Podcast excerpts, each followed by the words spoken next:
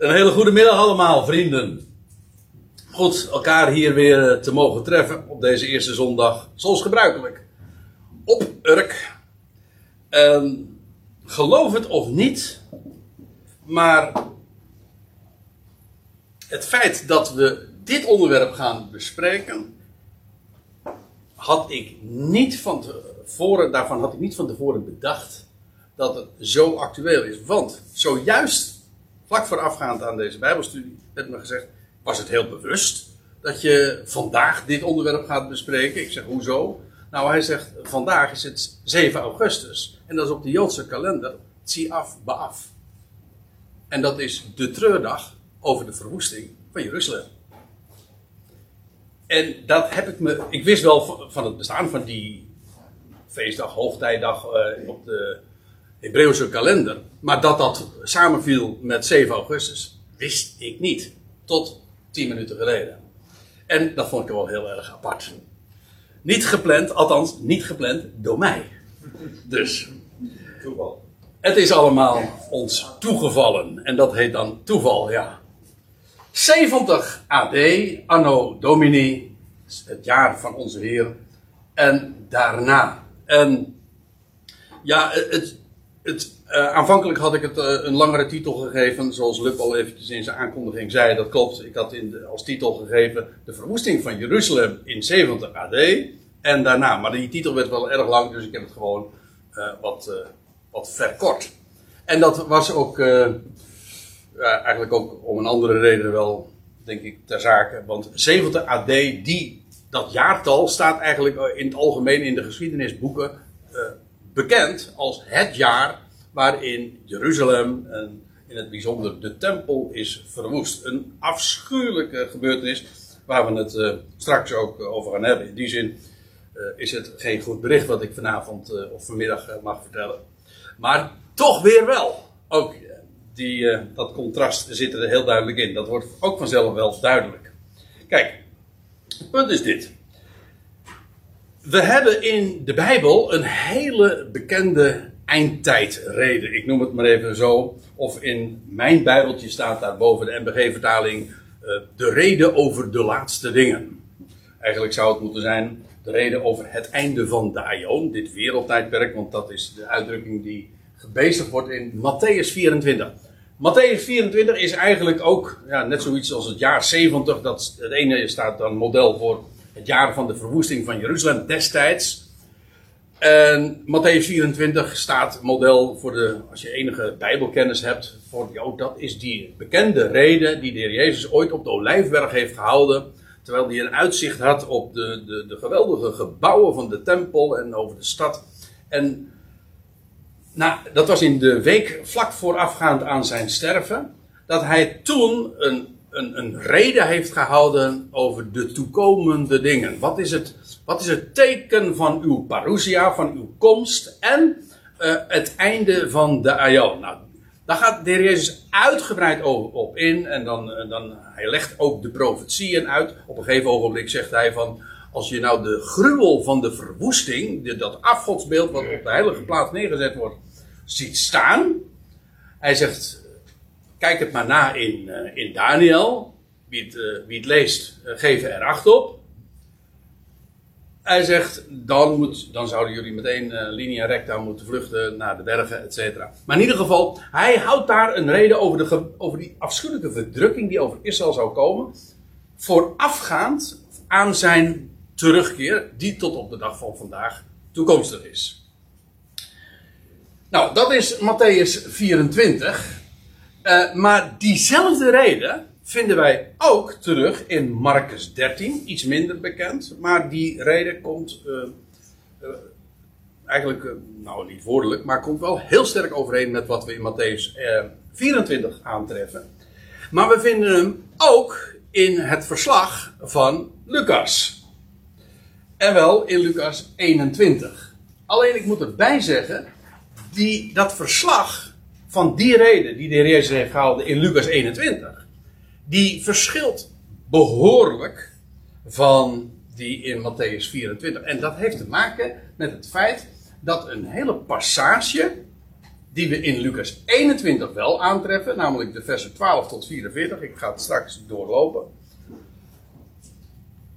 Die passage ontbreekt in zowel Matthäus 24 als ook in Marcus 13. En ik denk dat het heel erg onbekend is. En het punt is dat dit gedeelte, waar we het vanmiddag over gaan hebben, dat heeft niet te maken met de eindtijd, over de dingen die nog gaan komen, maar heeft te maken met wat er in het verleden is gebeurd. Dat heeft alles weer met elkaar te maken, want eigenlijk is het zo dat gebeurtenissen in het jaar 70 en de jaren die daaraan voorafgaan, dat lijkt in veel opzichten op wat er nog in de nabije toekomst opnieuw gaat plaatsvinden in Jeruzalem. Overigens, die periode, die wordt wel genoemd de Joodse opstand of de Joodse oorlog. Dat, dat heet dan de periode van 66 tot 70. 70 is dan Jeruzalem uiteindelijk verwoest. Maar uh, daar zijn nog 3,5 jaar, let op, aan vooraf gegaan. Maar die 3,5 jaar, die spelen, of 42 maanden, of 1260 dagen, of tijd, tijden, een halve tijd, die komen we op allerlei wijzen in de profetieën tegen. En die hebben meestal, houden meestal verband met de toekomst. Dus uh, ja, uh, men zegt wel eens een keertje, de geschiedenis herhaalt zich. Dat is ook zo. Maar er zijn ook grote verschillen. En het is van groot belang om voor uh, het verstaan van Lucas 21 om te zien dat dat inderdaad te maken heeft met gebeurtenissen die in het verleden liggen. En dat wil ik vanmiddag uh, heel graag eens duidelijk maken. Laten we eens een keer naar die uh, reden toe gaan. In uh, Lucas 21, vanaf vers 5 tot 28, vind je die reden. En dan in vers 5 tot 11, dan vertelt de Heer Jezus wat, wat er eerst moet gaan geschieden. Ik bedoel, hij wordt gevraagd over de verwoesting uh, van Jeruzalem en, en over de, het teken van zijn komst. En dan zegt hij, ja, eerst, eerst moet daar ook dit gebeuren. En dan, dan kondigt hij al aan dat er mensen zullen opstaan uh, onder valse vo voorwenselen. En die zullen claimen de Messias te zijn. Maar hij zegt er dan bij, het einde is het nog niet. Het is het begin van het eind, om zo te zeggen. En dan krijg je een intermezzo, en dat is het precies waar wij het vanmiddag over gaan hebben. Een intermezzo, een onderbreking. Namelijk aan wat er aan al die dingen vooraf zal gaan. Voor al deze dingen. Dus dit ging over de eindtijd. En het navolgende ook weer. Maar in dat intermezzo heeft hij het over wat daaraan vooraf gaat. Want, en dan in vers 25 tot 28, die laatste versen, uh, waarvan ik nog eventjes dit, uh, dit vinden, dit intermezzo vinden we dus alleen bij Lucas. Op, uh, trouwens heel opmerkelijk, Lucas, medewerker van Paulus, en die spreekt over die onderbreking in de tijd. Want dat, dat is waar we het over gaan hebben. Oké. Ehm, hou me even vast, maar ik ga nu even verder, want uiteindelijk, als de, eh, de Heer heeft dus dat, dat onderbreekt hij zijn betoog en dan, zegt hij, en dan gaat hij vertellen over alles wat eraan vooraf ging. En dan uiteindelijk in, vanaf vers 25 tot 28, dan, dan vervolgt hij dat waar hij het over had, namelijk over de eindtijd, de laatste dingen, uh, aan, aan, aan dit wereldtijdperk dat op zijn eind loopt en het teken van zijn komst. Uh, de komst van de zoon des mensen, of op zijn Hebreeuws gezegd, de Ben Adam. En tevens Israëls verlossing. U vindt deze uitdrukkingen allemaal in dit gedeelte dus terug. Kijk het maar na. Ik, zeg, ik, ik projecteer dit eventjes op deze wijze om aan te geven hoe de indeling ligt. Dus hij begint over het begin van de eindtijd. Wat hij vanaf vers 25 vervolgt. En hoe die eindtijd ook uiteindelijk uh, afgerond wordt. Namelijk met de komst van de Ben Adam en, en de verlossing van Israël. Maar daarin eh, daar heb je een pauze, een onderbreking. En dat gaat over wat er aan al die dingen vooraf zal gaan. Nou, dat is Lucas 21. Dus eigenlijk, uh, dit wat in Lucas 21 vermeld wordt en beschreven wordt, dat komt in hoge mate overeen met wat we in de bekende eindtijdreden aantreffen in Matthäus 24. Met dit verschil dat die onderbreking namelijk wat eraan vooraf zou gaan, dat treffen we alleen aan bij Lucas. Oké, nou we hebben nu een idee van, van die passage in Lucas 21 en over de indeling. Laten we eens uh, daar naartoe gaan. En vanaf vers 12, ik ga er soms wat snel doorheen, omdat ik eigenlijk vooral een overzicht wil geven van de dingen. Um, dan staat er in het volgende. In Lucas 21, ik begin dus te lezen vanaf vers 12. En dan staat er, maar voor al deze dingen. Dus dit is heel belangrijk. Dit is een, eigenlijk uh, een sleuteltekst om dit, deze passage te begrijpen. Want hiermee geeft hij aan van ja, ik spreek nu, ik, ik, tot dusver heb ik gesproken over de eindtijd. Ga ik straks ook weer mee verder. Want hij was nog niet klaar. Maar hij gaat nu zeggen, ja, maar daaraan voorafgaand zullen zij aan jullie de handen slaan. Hè? Dus voorafgaand aan de tijd van het einde. Zullen zij aan jullie, Joodse gelovigen, ik bedoel, daar, hij, sprak tot de discipelen, Ehm, de twaalf in het bijzonder, uh, zullen zij aan jullie uh, de handen slaan. En jullie kan dan inderdaad betrekking hebben op de twaalf, maar ook misschien breder, denk ik, aan het hele Joodse getuigenis. De mensen die Jezus als de Messias erkenden onder Israël. Uh, zij zullen aan jullie de handen slaan. Hij, wat hij al aankondigt, dat er, is dat er een buitengewoon heftige tijd zou aanbreken. En dat dat zullen we ook zien. Hij zegt, en ze zullen jullie vervolgen. Jullie overleverend in de synagogen. Dan zie je meteen dat we in een op Joodse bodem staan. En een, een Joodse context. Hè. In, ze zullen jullie overleveren in, in de synagogen. En, en gevangenissen. En jullie wegleiden voor koningen en stadhouders. Om mijn naam. Jullie vervolgen, dat wat uh, dus precies aangeeft het is de vervolging van de Messiaanse gelovigen. Uh, die, en dan wel voorafgaand aan Jeruzalems verwoesting, waarover straks meer. Dus we praten over dan een. Uh, als we het hebben over de dingen die uh, in die tijd, dat is in de jaren 60. Ook bij ons hebben de jaren 60 de reputatie een heftige tijd geweest te zijn, maar dit was nog even andere koek. Dit was de jaren 60 in de eerste eeuw dus. Maar in beide gevallen trouwens jaren van revolutie, want ze noemen die jaren ook wel de jaren van de Joodse opstand. De Celoten, en uh, men kwam in opstand tegen uh, het Romeinse, de Romeinse overheersers. En dat werd heel erg brut uiteindelijk beslecht. Uiteindelijk, u kent de geschiedenis van hoe dat uiteindelijk is gegaan. Ehm, Jeruzalem is in het jaar 70 dan verwoest. Toen was nog niet helemaal uh, al het Joodse verzet gebroken, want dat zou nog een paar jaar duren. Je hebt de bekende, je, hebt de bekende strijd ook nog gehad in Masada. U wel eens geweest? Ja, een aantal van u in, in elk geval, dat weet ik. En daar hebben uiteindelijk de Joden, de, de laatste verzetshelden, uh, hebben uiteindelijk zichzelf van het leven beroofd. Om, zich, om maar niet in de handen te vallen van de Romeinen hele indrukwekkende periode is dat geweest. Maar in ieder geval, met name, dat is al begonnen in het begin van de jaren 60. Uh, dat daar een enorme afval ook plaatsvond. Ja, moet ik er ook misschien nog even bij vermelden. We hebben het er bij een andere gelegenheid ook wel eens over gehad. Hoe in die jaren, zeg maar, in die 40 jaren na de, uh, na de waar Rup het al even over had. Vanaf, ik bedoel, de Heer Jezus stond op, hè, werd gekruisigd, stond op, voert een hemel in het jaar 30. En die 40 jaren daarna, hele markante periode. Wel, uh, uiteindelijk liep hij dan uit op de verwoesting van Jeruzalem in het jaar 70. Maar in de jaren daaraan voorafgaand, uh, toen heb je een enorme afval gekregen onder de Joodse gelovigen. Met, uh, met name de Hebreeënbrief, maar ook de tweede Petrusbrief en de Judasbrief spreken daarover. En, want er waren, u moet zich realiseren dat daar tienduizend, myriaden lees je in het boek Handelingen, myriaden gelovigen waren in Israël. En, al, en dan lees je nog bij, en allen waren zij ijveraars voor de wet. Dus uh, dat, waren, dat waren dus echt, wat wij dan zouden zeggen, Messias beleidende gemeenten, maar men hield zich uh, ook aan de Joodse overleveringen, et. Aan de, ze waren ijveraars van de wet.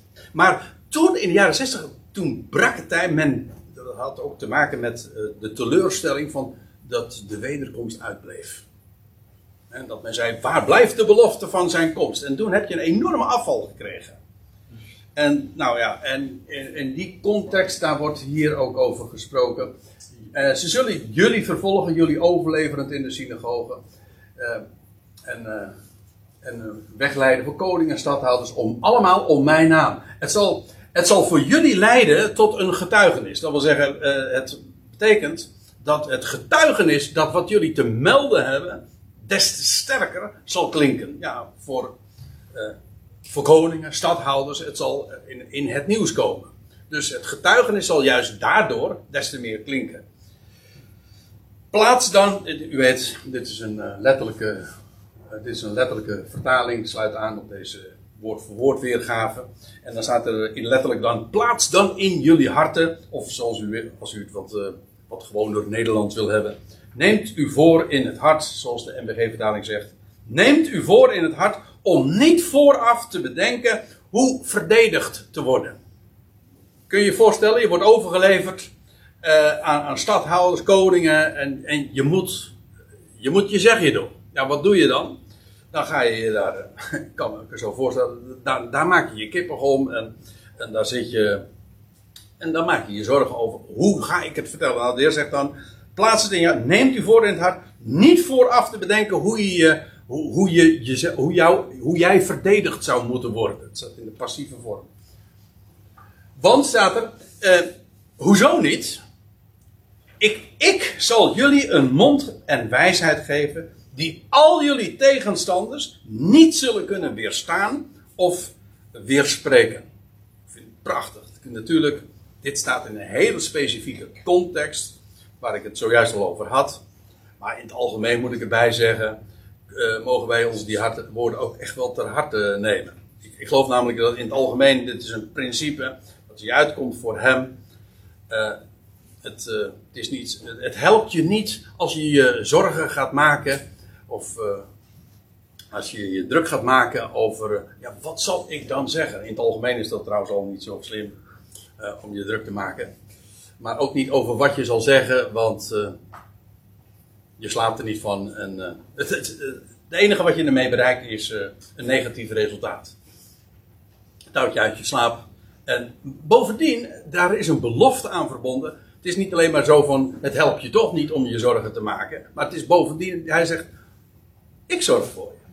En in dit geval, ja, als jij dan woorden nodig hebt, dan zorg ik ervoor, dan geef ik je de mond, en ook de wijsheid om dat te zeggen wat gezegd moet worden. En zelfs zodanig dat geen enkele tegenstander ook maar in staat zal zijn om daar iets tegen in te brengen. Om het te weerstaan of te weerspreken. Alsjeblieft. Dat vind ik ook zo geweldig als je dat in het boek Handelingen leest. Ik bedoel, er waren eenvoudige vissersmensen als Petrus en Johannes. En dan worden ze geleid.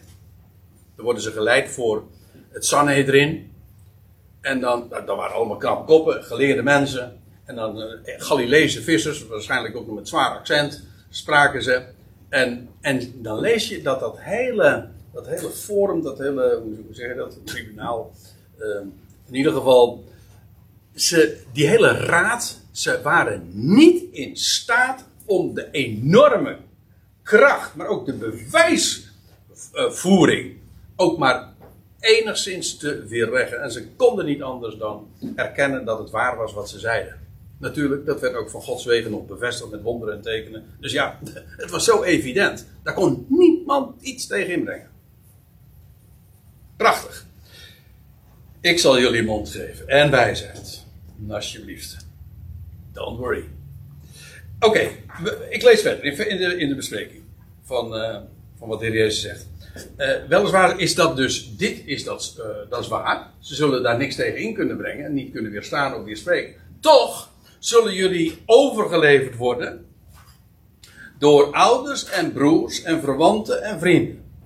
En ze zullen sommigen uit jullie ter dood brengen. Je moet je voorstellen, we praten hier over een opstand natuurlijk, het hele, het hele Joodse volk, eigenlijk de hele Joodse natie was in opstand tegen de Romeinen. Maar ook intern was er enorme verdeeldheid. En met name de Messias-gelovigen, ik bedoel dus de, zij die Jezus als Messias beleden, die waren het midpunt van uh, enorme, ja, nou ja, van de controverse. Je ziet ook, de scheiding loopt dwars door families en vertrouwde relaties. Zodanig zelfs dat dus uh, ouders, moet je je voorstellen, dat ouders en broers en verwanten en vrienden zelfs sommigen ter dood brengen. Of aangeven. Dus dat is, uh, en nou ja, dit gaat dus direct vooraf aan, aan die verwoesting van Jeruzalem, waar, waar de Heer Jezus het straks over gaat hebben.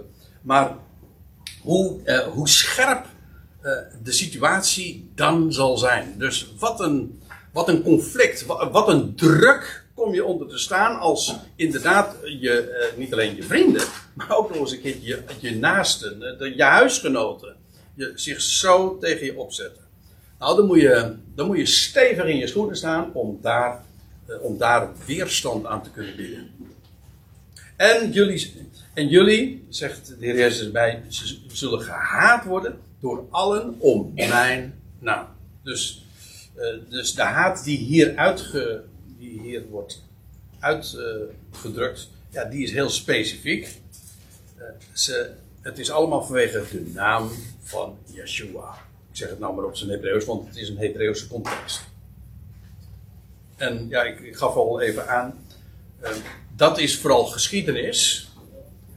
Maar Petrus geeft het ook al aan dat daar die spotters zullen zijn van waar blijft de belofte van zijn komst. U moet zich namelijk ook realiseren, we hebben het ook daarvan vaker over gehad, dat in die 40 jaren, hè, dus in die decennia na de dood en opstanding van onze Heer Jezus Christus, dat de verwachting van de nabije terugkeer van de, van de Heer Jezus Christus uh, heel levendig was. Het was zelfs zo in de kring van de discipelen, dus van twaalf, was de gedachte: Johannes, die gaat het nog meemaken. Dus had de Heer dat beloofd? Nee, dat had hij niet beloofd. Maar er waren aanwijzingen dat dat inderdaad op hele korte termijn zou kunnen plaatsvinden. En het was namelijk voorwaardelijk. Het lag, ook, het lag ook voor de deur. Het, je, Petrus zegt ook van, als jullie tot, uh, ik bedoel, heeft hij het over de leiders van Israël, tot bekering komen, dan zal de Messias terugkeren. Dan kun je achteraf zeggen, ja, dat is een ongelegd ei, het is niet gebeurd. Nee, maar dat was wel, in feite is het ook zo dat als Israël tot bekering komt, dan keert de Heer, de Heer Jezus terug. Dus in die zin is het altijd nabij. Ik bedoel, de gelegenheid is, het ligt voor de deur. Oké, jullie zullen gehaat worden door allen om, om gehaat worden. Hè? Door allen om mijn naam. Maar, ook, ik zei net, uh, maak je geen, de heer Jezus had net gezegd, maak je geen zorgen over wat je zeggen zult als je, als je voor het gerecht treedt. Of gedaagd wordt. Maar geen haar uit jullie hoofd zal verloren gaan. Het uh, herinnert mij aan heel wat andere schriftplaatsen waar soortgelijke dingen staan. al je haren zijn geteld. Ja, daar kun je grapjes over maken. Over uh, als je kalend bent. Maar laten we wel wezen, ook als je kalend bent, dan heb je toch aardig wat haren op je hoofd hoor. En uh, je leest in, uh, in, de, in, Lucas 12 ook, al de haren van je hoofd zijn inderdaad geteld. En je leest in de, hoe was het ook alweer? Hoor. Ik had er hier nog.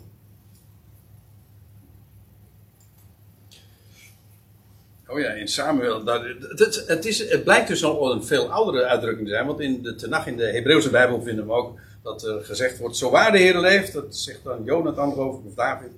Um, er zal geen haar van je hoofd ter aarde vallen. Buiten hem om. Met andere woorden, hij, en dat vind ik zo'n geweldige waarheid. Uh, hij heeft alles, maar volmaakt in handen onder controle. Hij beschikt. Hij is de grote regisseur en bovendien.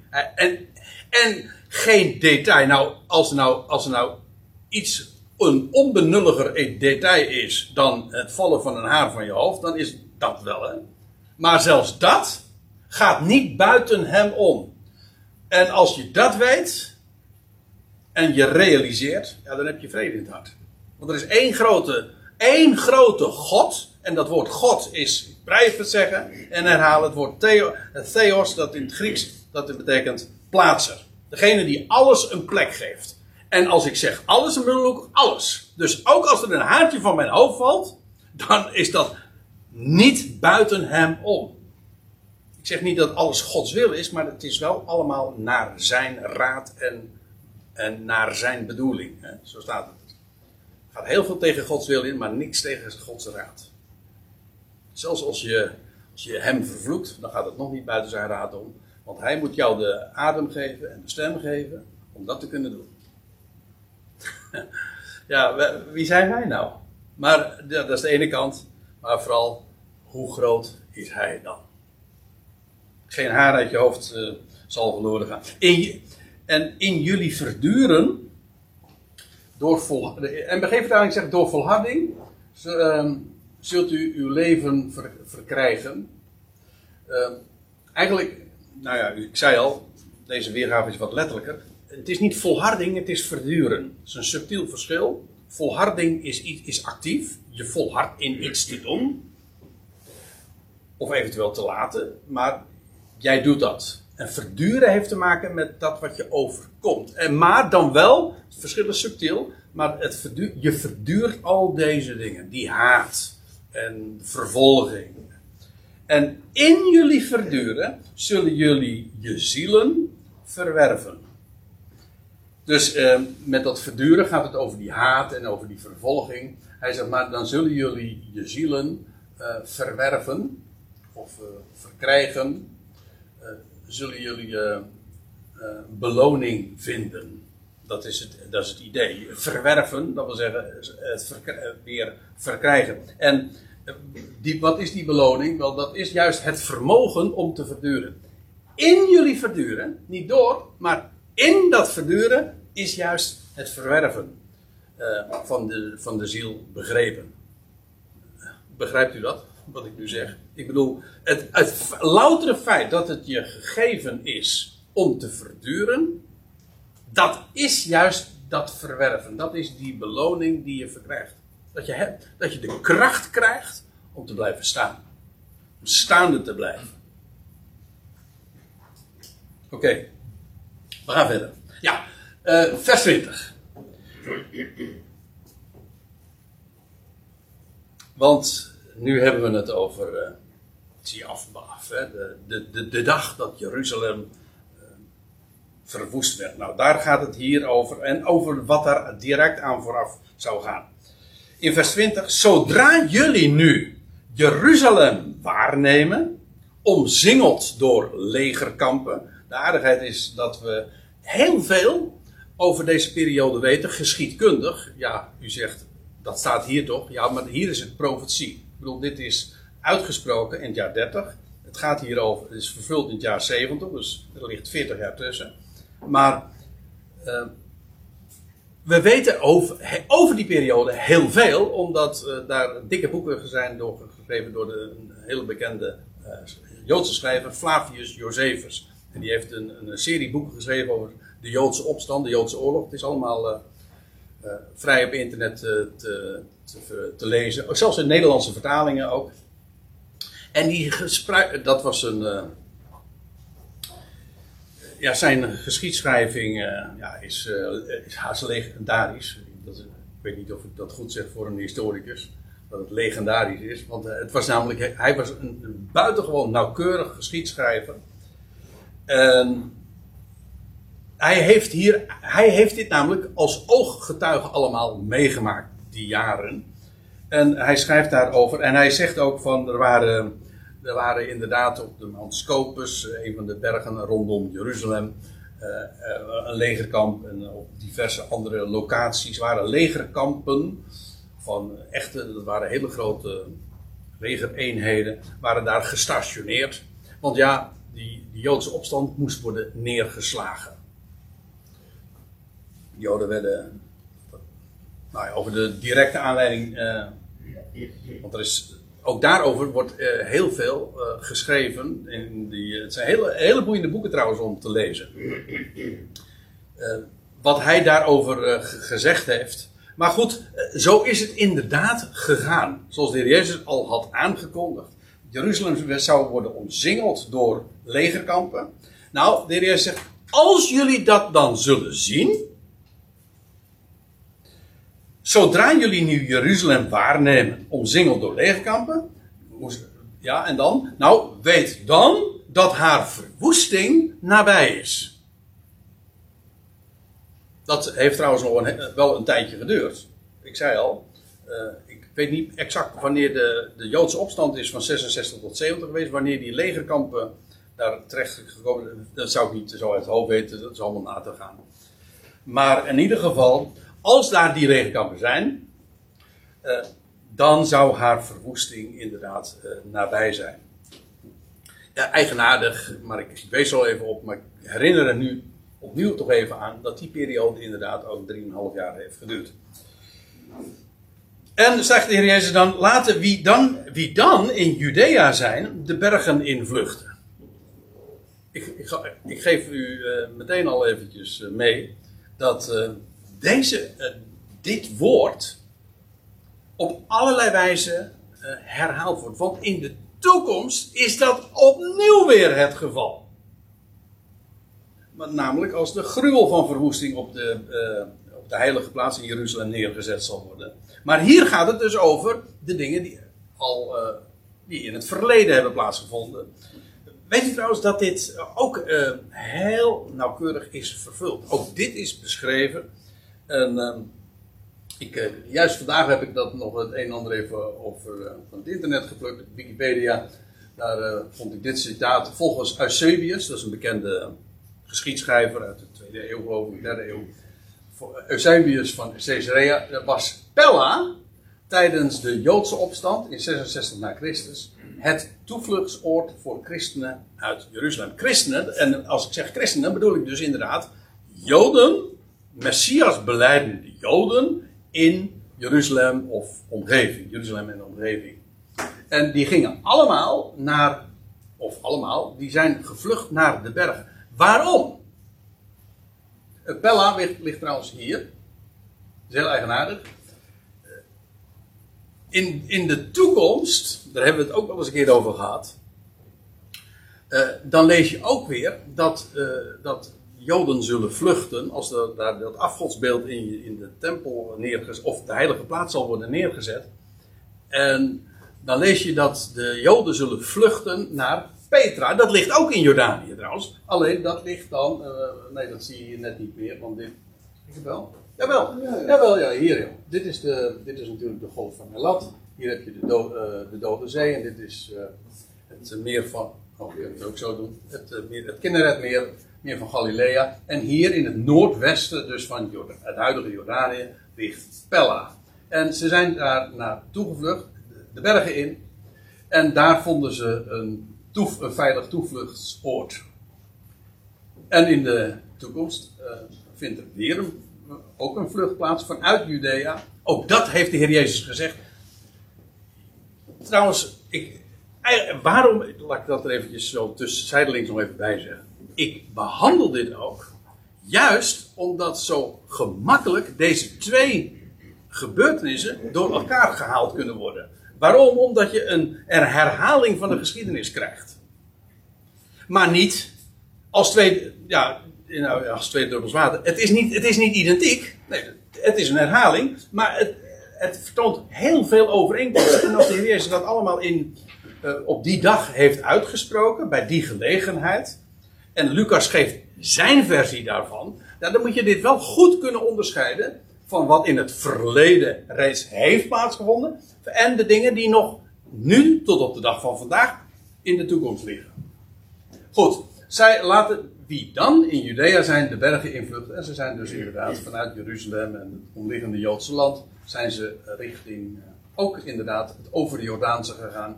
En zijn ze naar Pella gevlucht. Pella ligt ook in de Verenigde Staten. Iemand heeft dat. Uh, dat was een Nederlandse predikant die die stad gevestigd heeft. Dat is een naam kwijt. Maar in ieder geval, die heeft dat ook naar aanleiding hiervan als een uitwijkplaats uh, heeft hij gedacht van onze stad, onze nederzetting moet Pella heten. Goed. Uh, laten die dan in Judea zijn de bergen invluchten. En laten die in haar midden zijn, dat wil zeggen het midden van Jeruzalem. Uit het gebied weggaan. En die in, het, en die in de velden zijn, dat wil zeggen in het omliggende landbouwgebied, zal ik maar zeggen. Niet in haar, dat wil dus zeggen in Jeruzalem, binnengaan. Dit is een thema dat we ook elders aantreffen in het Nieuwe Testament. Ik wees al even op de Hebreeënbrief. Maar uh, in de, de Petrusbrief en Judasbrief wordt allemaal over deze heftige periode gesproken. En dat maakt die brieven ook buitengewoon concreet. Het zijn maar niet algemene eh, verhaaltjes of zo. Nee, dat is heel specifiek toegesneden op die situatie.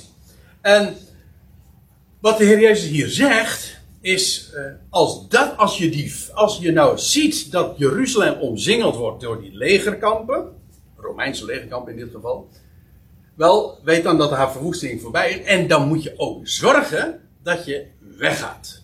Je moet niet daar in de stad zijn en weg, uit het gebied weggaan. In de Hebreeënbrief vind je dat ook. Dat, uh, dat, die brief wordt, wordt afgesloten. U weet, de Hebreeënbrief is geschreven aan Hebreeën, Hebreeuws sprekende mensen in Jeruzalem. En die bevonden zich in de legerplaats die op de hoogte waren van de tempeldienst en de priesterdienst enzovoort.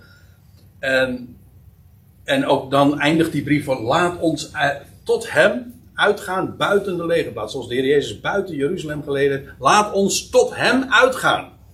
En natuurlijk kun je dat overdrachtelijk opvatten. Laten we afscheid nemen van het systeem, ook het godsdienstige systeem en zijn smaad dragen. Dat is allemaal tot je dienst, dat is waar. Maar het is ook heel concreet. Men moest weg. De Hebreeënbrief, geschreven zo begin jaren 60. Dus vlak, ook allemaal vlak voor die Joodse opstand. Dan wordt er al gezegd: laat ons tot hem uitgaan. Buiten de legerplaats. Want staat er dan nog bij: dit zijn de dagen van vergelding. Nee, nou zeg ik het verkeerd. Niet de dagen van vergelding. Dit zijn dagen van vergelding. Ik vind het jammer dat de MBG-vertaling zegt de dagen. Want dat roept dus opnieuw weer. Zoals de MBG het weergeeft. Roept dat de gedachte op van. Oh, dit gaat zeker over de grote verdrukking. Over de dagen. Nee, het gaat niet over de grote verdrukking. Kijk, het, wat is het verschil? Kijk, de, groot, de grote verdrukking waar de Bijbel dan over spreekt, bij in een paar teksten, Matthäus 24 onder andere, dat is een unieke, eenmalige gebeurtenis. Of een eenmalige, uh, niet zozeer gebeurtenis, een tijdsframe. Eenmalig. Je vindt.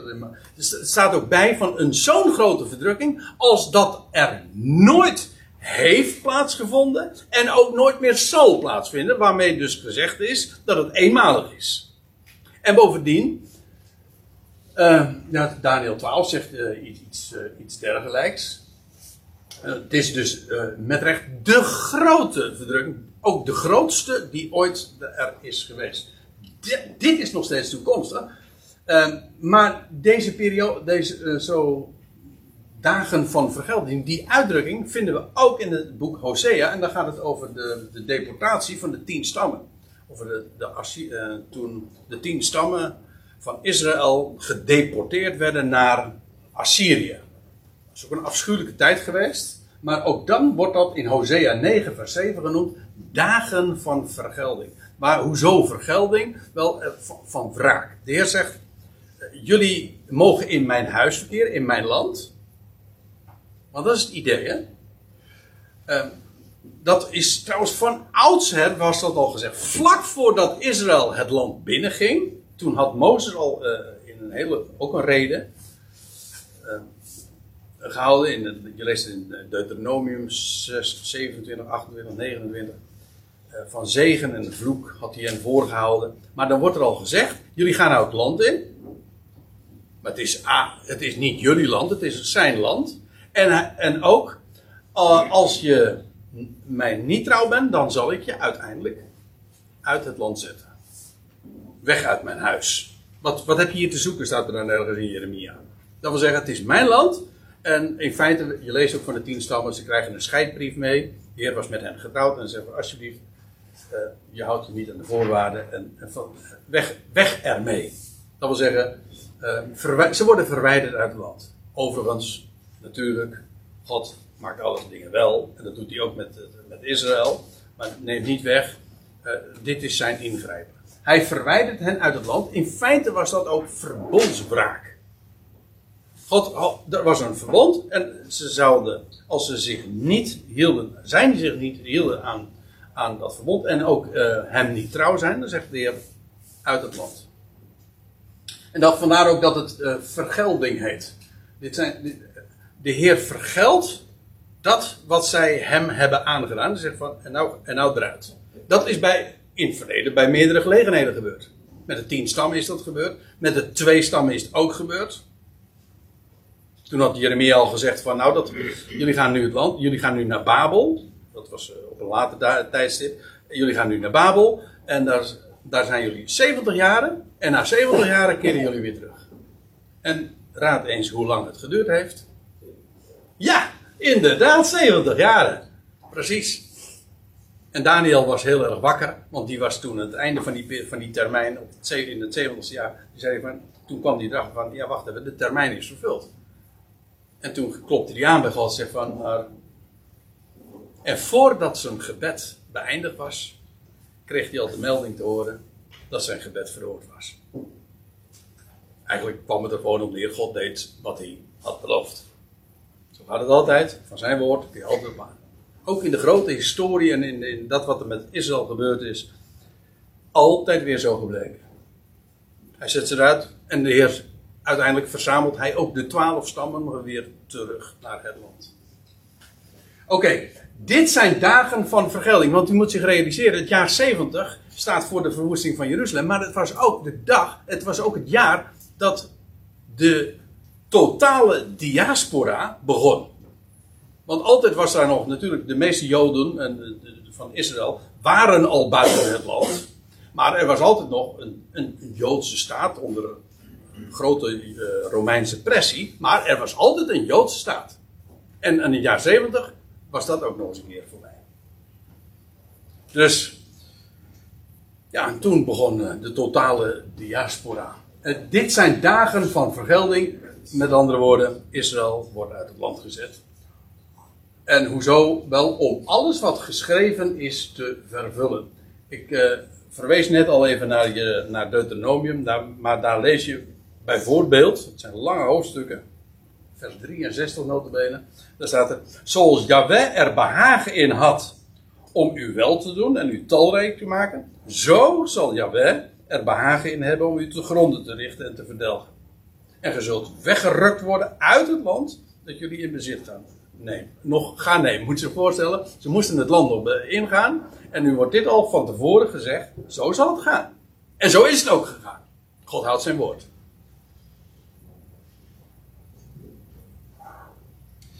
Dit zijn dagen van vergelding om alles wat geschreven is, dat wil zeggen gewoon wat al in de Tenach zwart op wit van Gods wegen was vastgelegd, de schriften te vervullen. Niet trouwens eh, om, eh, waarin alles in vervulling eh, gaat of waarin alles vervuld zal zijn. Nee, eh, dit zijn dagen van vergelding om alles wat geschreven is te vervullen. Wat hiermee te maken heeft, gaat dan vervuld worden, inhoud krijgen. Dat wil zeggen, de Heer gaat waarmaken wat hij toen al had aangekondigd. Dat is vervullen. Ja, zo, zo erg, sterk zo, wacht even hoor. In, ehm, ja, dit is vers 68 dus.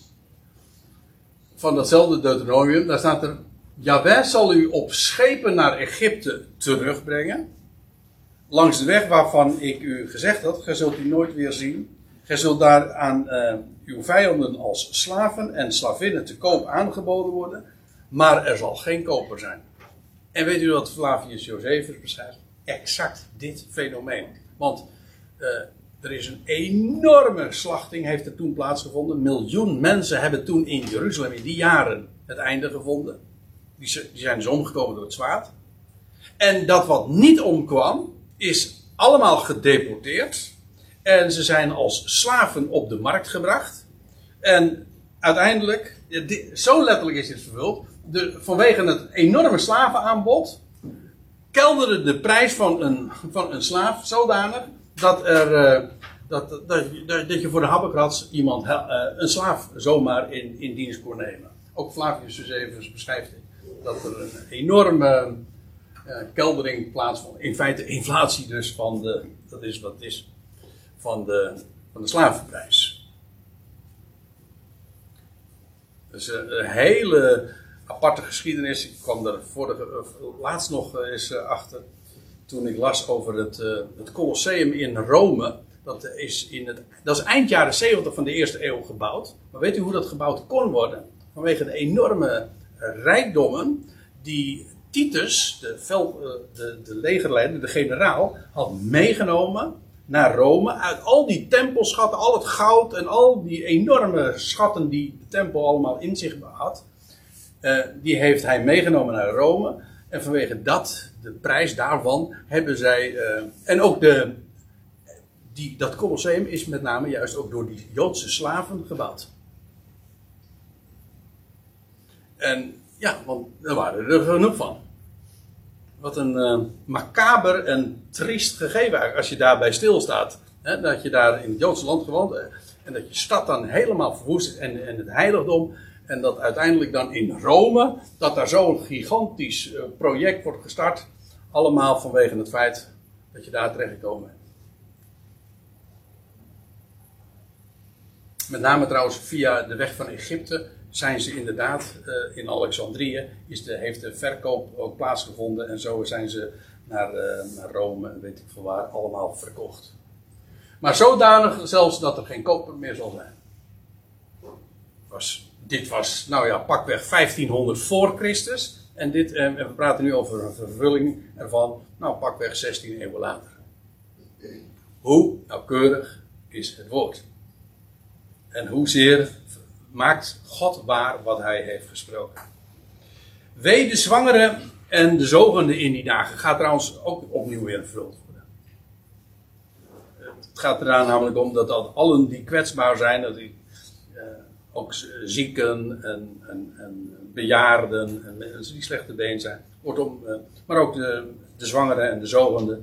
Hoe afschuwelijk zal die tijd juist voor hen zijn, juist omdat ze onder zoveel druk staan en dat er gevlucht moet worden, et cetera. Weder zwangeren en zogen in die dagen, want er zal grote nood zijn over het land en toorn over dit volk. Trouwens, die toren is denk ik uh, hier ook, maar ik geef het ter overweging, uh, de toren ook van de Romeinse machthebbers zijn. Je kan zeggen van dat is de toren van God, maar ik denk ook, uh, het, het, was de, de Romeinse keizer die ook hiertoe heeft besloten, omdat hij verschrikkelijk boos was over dat wat, er, wat dit volk, het Joodse volk, allemaal had uitgehaald. Maar er zal een grote nood zijn over het land en de toorn over het volk. Dus u ziet wel, de adressering van deze woorden is heel specifiek. Het gaat over Jeruzalem, het gaat over Judea, het gaat over het Joodse volk, dit volk, het land. Dus het gaat me niet over Nederland of over de mensen in het algemeen. Nee, heel specifiek. Over een hele specifieke tijd ook. Namelijk, die begint uh, vanaf het moment uh, dat de, de leger, met name dan de legerkampen in, rondom Jeruzalem, zullen zijn gestationeerd. En dan zullen die in grote nood zijn. Een toorn over dit volk. En zij zullen vallen door de mond van het zwaard. Dat is eigenaardig. Zo heet dat in de Bijbel altijd wij zeggen dan de scherpte, maar het is in de Bijbel de, de mond van het zwaard. Dat je, als ik erover doordenk, vind ik het een prachtige term, want het zwaard in de Bijbel is ook een beeld van het woord. Toch? Dus het zwaard van het woord. En dat ja, wat heeft een woord nodig? Eh, een mond, namelijk, zodat het gesproken wordt. Dus het, heeft, het is niet voor niks, denk ik, die, uh, dat dat zo genoemd wordt. Afijn, uh, ze zullen vallen door de zwaarte ik zei al, moet, ik heb het expres eventjes maar uitgeschreven om het. ik vind het nog sterker dan dat je 1 miljoen zegt. Maar gewoon ten 1 6-0 dodelijke slachtoffers in Jeruzalem. Wat een enorme slachting is dat toen geweest. Ze zullen vallen door de mond van het zwaard. En het resterende dan in krijgsgevangenschap worden gevoerd tot in alle naties. Of onder alle heidenen zullen ze worden, uh, als gevangenen worden weggevoerd, zegt de MBG daarin. En uh, dus dit is het begin, eigenlijk het begin van de totale diaspora. Dus de verstrooiing. Geen Joodse staat meer. Hieraan zie je trouwens ook dat dit dus niet de, hetzelfde is de grote verdrukking. Want bij de grote verdrukking, daar, daar aan het einde van de grote verdrukking, verschijnt de Heer. En dan verzamelt hij juist zijn volk, uit alle volken.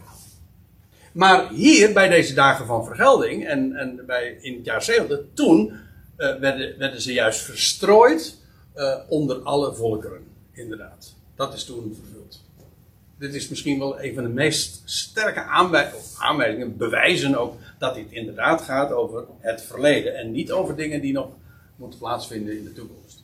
En er staat er nog bij, ze zullen in krijgsgevangenschap worden gevoerd tot in alle naties. En Jeruzalem zal vertreden worden door de natieën. Totdat de, als u de MBG-vertaling hebt, Statenvertaling staat er, totdat de tijden der heidenen vervuld zullen zijn. De, tijd, ja, de tijden der heidenen. En wat zijn die tijden der heidenen? Nou, dat zijn uh, in feite, die, die, periode is begonnen in de dagen van Nebuchadnezzar. Toen de heilige stad, vertreden we, Jeruzalem ook al verwoest werd. Trouwens ook de tempel compleet verwoest werd. De tempel van Salomo. En toen, vanaf toen heeft, is Jeruzalem altijd, en de heilige stad, ik bedoel de heilige plaats, de tempel dus, is altijd onder vreemde heerschappij geweest. Dat is toen begonnen. Dat is dus eigenlijk de periode van de vier koninkrijken. Eigenlijk is het zo dat Jeruzalem was de troon van God. En die troon staat eigenlijk al vakant, is leeg, vanaf die tijd. Dus dan praten we over zes eeuwen voor onze jaartelling. En toen zijn de tijden van de heidenen begonnen. En weliswaar is er, een heilige, is er weer een tempel gekomen, maar altijd is Jeruzalem onder vreemde heerschappij gebleven. Ook in de dagen dat de heer Jezus dit uitsprak, toen was er een tempel, maar uh, ja, ze werden, uh, het Joodse land was gewoon bezet. En zelfs nu, ik weet het, er zijn mensen die zeggen van in 1967 zijn de tijden der heidenen vervuld. Forget it. Dat is niet waar. Natuurlijk, de, Joodse, de Jeruzalem is weer in Joodse handen. Maar A, Israël is niet, het beloofde herstel heeft nog helemaal niet plaatsgevonden. Dat is A. En B, nog steeds is de heilige plaats onder vreemde heerschappij. Nog steeds. En trouwens, in de periode die nog gaat komen, die 42 maanden, die grote verdrukking, zal dat ook zo zijn. Daar staat er ook bij, dat zal onder, staat expliciet in openbaring 11 erbij, zal onder uh, Jeruzalem zal vertreden worden door de natie. Jeruzalem zal vertreden worden door de natie, totdat de bestemde tijden van de natieën vervuld zullen zijn. En die periode, die tijden der heidenen, dat is toen al, ooit in de dagen van Nebukadnezar begonnen. En dat duurt voort totdat die heilige plaats niet meer onder vreemde heerschappij zijn. En dat is pas aan het einde van de grote verdrukking. Dat is nu, uiteraard is dat in het jaar 70 niet vervuld. Sterker nog, toen is Jeruzalem verwoest. Het volk wat nog overgebleven was, is in krijgsgevangenschap en verstrooid onder alle volkeren. En dat die situatie van de diaspora van het Joodse volk aan de ene kant en van de vertreding van Jeruzalem duurt tot op vandaag gewoon voort. En dat zal plaatsvinden totdat de bestemde tijden van de natie vervuld zijn. Mooi trouwens dat er staat de bestemde tijden. Alles hebben we het weer. God is de regisseur. En hij, volgt een tijdpad. En, en hij heeft ook inderdaad aangezegd hoe lang dat zou duren. En wij weten, maar daar hebben we het al zo vaak uh, inmiddels over gehad. Dat God ook inderdaad, als het gaat over de toekomende dingen, daar is een tijdpad en na een tweetal millennia naar, vanaf zijn heen gaat, dan, ja, dan zullen die tijden der natieën of de tijden van de heidenen, voorbij zijn. En zoals altijd, God kondigt dat aan. En, eh, en dan weten wij dus hoe laat het is, letterlijk en figuurlijk. Dus, als ik nou even mag afsluiten met een, uh, met een tijdlijn. Om het even wat duidelijker uh, te maken.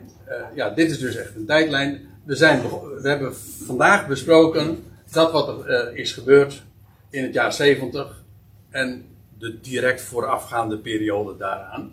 Jeruzalem werd omsingeld, men vluchtte naar de bergen. Sorry, het is wat kleine letterschrift. Anders kreeg ik het niet op één plaatje. Dus uh, men vluchtte naar de bergen en dit waren de dagen van vergelding en grote nood. De stad is toen verwoest. Het volk in de stad viel door het zwaard. Of, als dat niet plaatsvond, is, ze zijn in krijgsgevangenschap gevoerd onder alle volkeren. Nou, ja, en hoe lang zou dat duren? Nou, totdat de bestemde tijden van de natieën vervuld zouden zijn. Oké, en dan krijg je een, een, periode, ja, hoe lang, dat, ik heb gezegd x-tijd.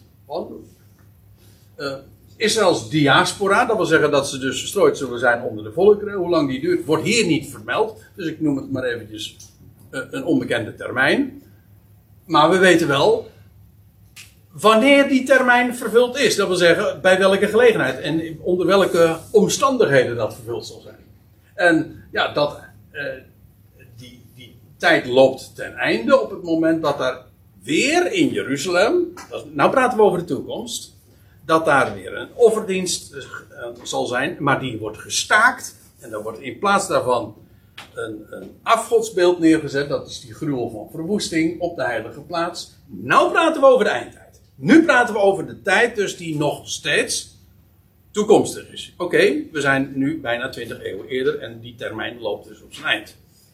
Oké, en uh, ja, dan zullen er oorlogen en onlusten zijn, maar het, aanvankelijk, het einde is dat nog niet. Het is ook het begin van de grote verdrukking. Ook dan vindt er weer een vlucht naar de bergen plaats, waarvan de Heer zegt ook, wee dan de zwangere en zogende in die dagen. Niet, wee betekent trouwens niet foei, maar betekent dat zal voor hen des te zwaarder zijn. Een W met recht. Hè? Nou begrijp ik ook meteen waarom er staat W de zwangere. Want ja, zwangeren hebben een W in de wereld. De vlucht naar de bergen. En die periode eindigt uiteindelijk. Dat is de grote culminatie van dat alles. Van, van al die ontwikkelingen. De tekenen aan zon, maan en sterren. En uh, u dit kan je trouwens allemaal in het vervolg lezen van Lucas 21. Want we zijn nu geëindigd bij vers 24. Als je nou vers 25, 26, 27, 28 leest, dan zie je inderdaad dat daar uh, tekenen aan de, aan de zon en de maan en de sterren zullen zijn. Radeloze angst onder de volkeren. En dan uiteindelijk eindigt dat bij de verschijning van de Ben-Adam, Israëls Messias, op de Olijfberg.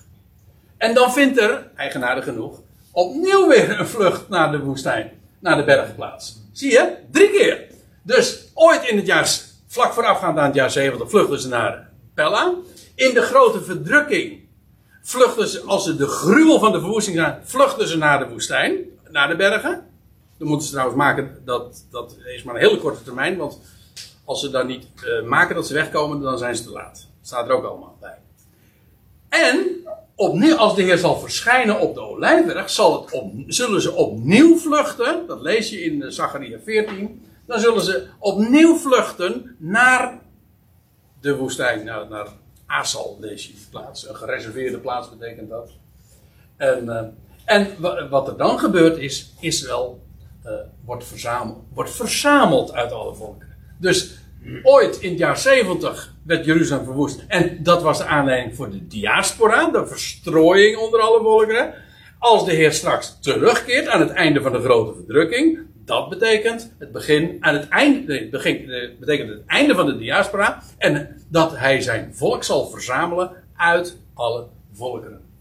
En dan zijn ook, dan is Israël en Jeruzalem, meer speciaal Jeruzalem, niet meer onder vreemde heerschappij. En dus daarmee zijn de tijden van de heidenen, of de tijden van de natie, vervuld.